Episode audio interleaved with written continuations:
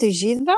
Ashtu sikundër e kemi bërë me dije, ne kemi podcastin e radhës, i cili do flasë për një temë që edhe ju vetë e keni kërkuar, por që është shumë aktuale kur flasim për uh, transformimin tonë drejt një mënyre tjetër edhe përshtatjen pastaj me uh, sigurinë online edhe gjithçka tjetër që ndodh në momentin që Pjesën më të madhe të jetës ne e orientojmë nga interneti, nga platformat që na sigurohen, por pastaj kemi këto problemet e tjera që lidhen me uh, sigurinë në rrugë, që është vendosja e kamerave, um, survejimi jonë gjatë gjithë kohës dhe fillojmë shpesh pyesim është e drejtë apo jo, shkelen të drejtat tona, apo pastaj nga ana tjetër kemi ata që mendojnë se është e nevojshme sepse ne na na mbrojnë. Ë për të diskutuar më tepër edhe për të dhënë fjalën e ekspertit, sepse e ftuara jonë e radhës është Anisa Sefera, e cila është juriste, por edhe eksperte e angazhuar në disa projekte të Bashkimit Evropian dhe jo vetëm tek me fokus fuqizimin tek të drejtat e njeriut. Për më tepër ne përshëndesim fillimisht Anisën dhe vazhdojmë me me diskutimin. Përshëndetje Anisa. Përshëndetje Doralda, si jeni?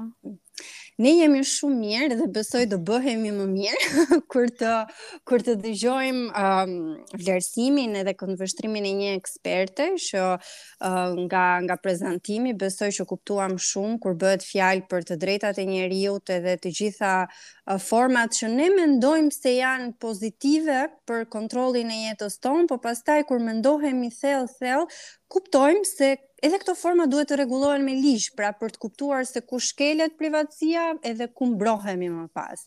Anisa, podcasti është tërësisht i joti tani.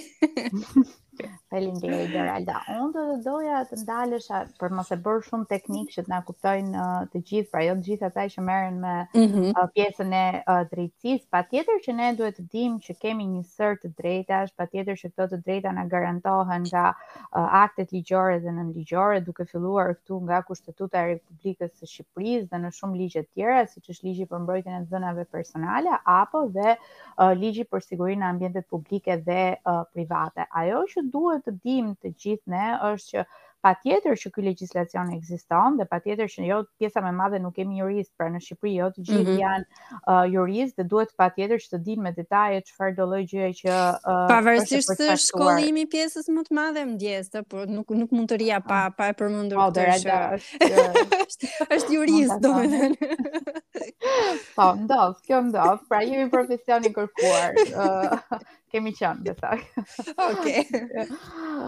Ajo që ne duhet të dimë ose atë që institucionet shtetërore duhet bëjnë është që të na japin ne një informacion të mirëdetajuar për atë që ka të bëjë me të dhënat tona për me përpunimin e të dhënave tona personale dhe nga ana tjetër në atë që ti uh, e the kryesisht në pjesën online, meqense uh, pandemia pra Covid 19 na mhm. tregoi që ne pothuajse një vit e gjysmë edhe unë kryesisht e kam zhvilluar pjesën time më të madhe të punës ose të ditës uh, nëpërmjet online-it, pra nëpërmjet mhm. internetit, mm -hmm. nëpërmjet uh, rrjeteve të ndryshme që uh, ne uh, aktivizojmë dhe që ne uh, i zgjedhim dhe si mënyra për të kaluar kohën, pra dhe mjafton një komunikim në një faqe në një rrjet social që shpesh herë mund të jetë dhe në një gjuhë që një pjesë e mirë e popullsisë mund të mos e kuptojë, pra jo të gjithë mm -hmm. jemi njohës të anglishtes, të italishtes e kështu me radhë, dhe mjafton që ne t'i japim e pranoj accept dhe më pas në dispozicion të vihen të dhënat tona.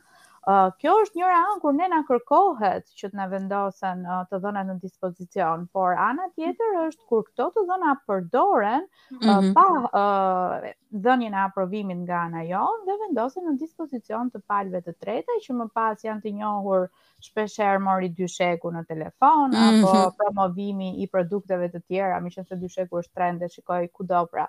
uh, tregojnë që promovohen uh, pjesë të uh, shitjes. Pra dhe këto numra janë të vendosur në dispozicion nga uh, palë të tjera, të cilat nuk duhet ta lejojnë këtë gjë dhe nuk duhet të lejohen dhe nga institucionet uh, shtetërore.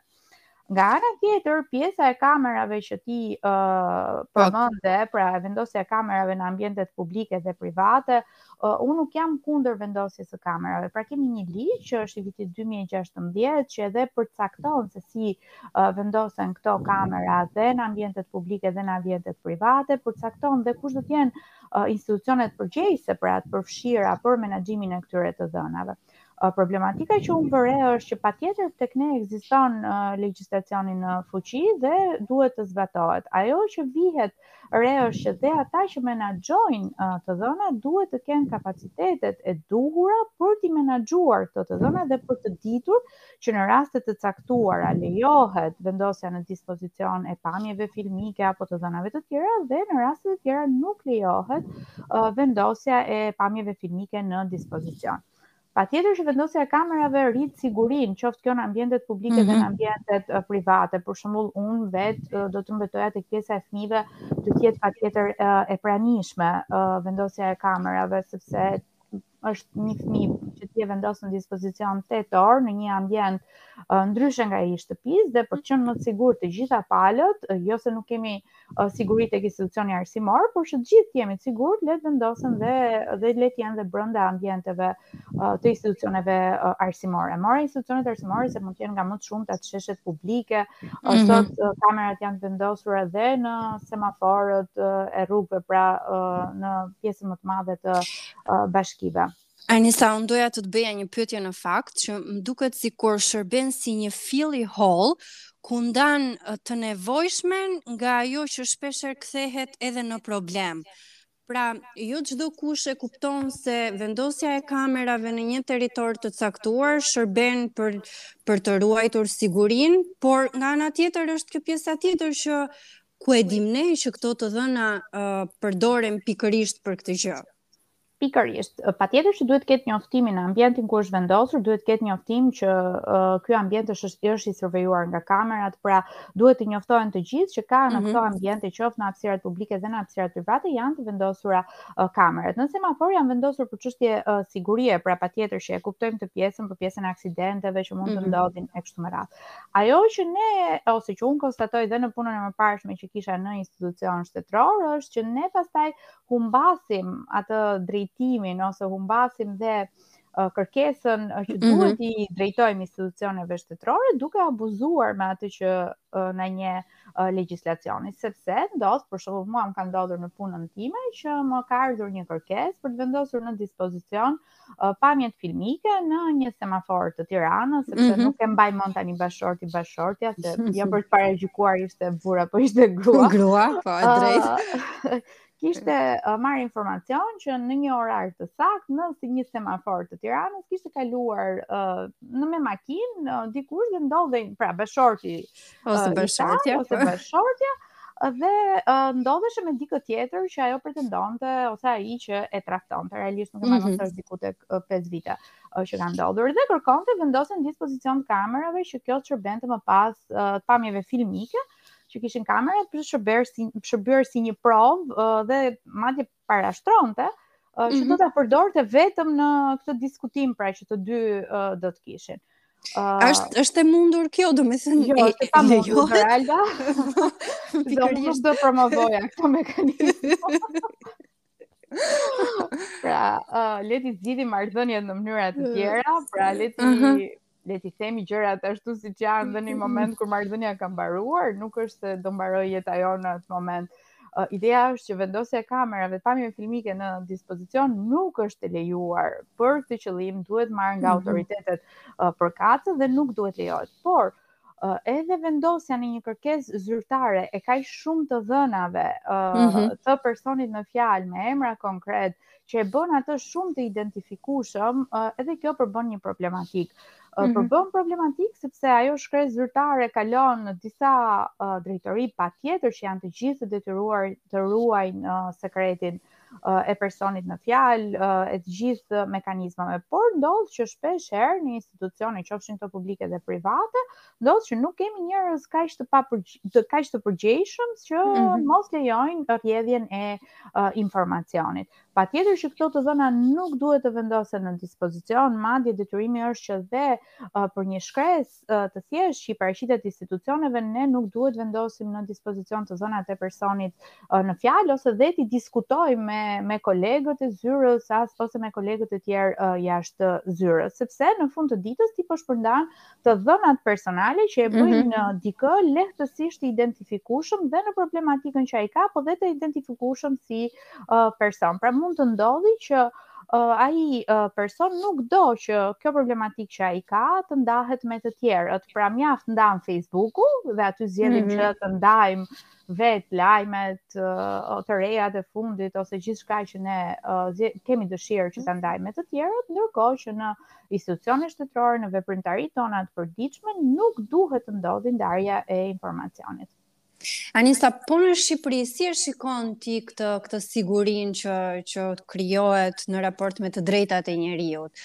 Domethënë, reagojmë ne në momentin që e kuptojmë se këto të dhëna tona po keqpërdoren edhe ku duhet të shkojmë, domethënë, çfarë gjëra duhet të bëjmë? Uh, Dorelda, mua më karakterizon pjesa e reagimit, por uh, e reagimit për të nxitur dhe të tjerët që të reagojnë mm -hmm. kur i shkelen të drejtat.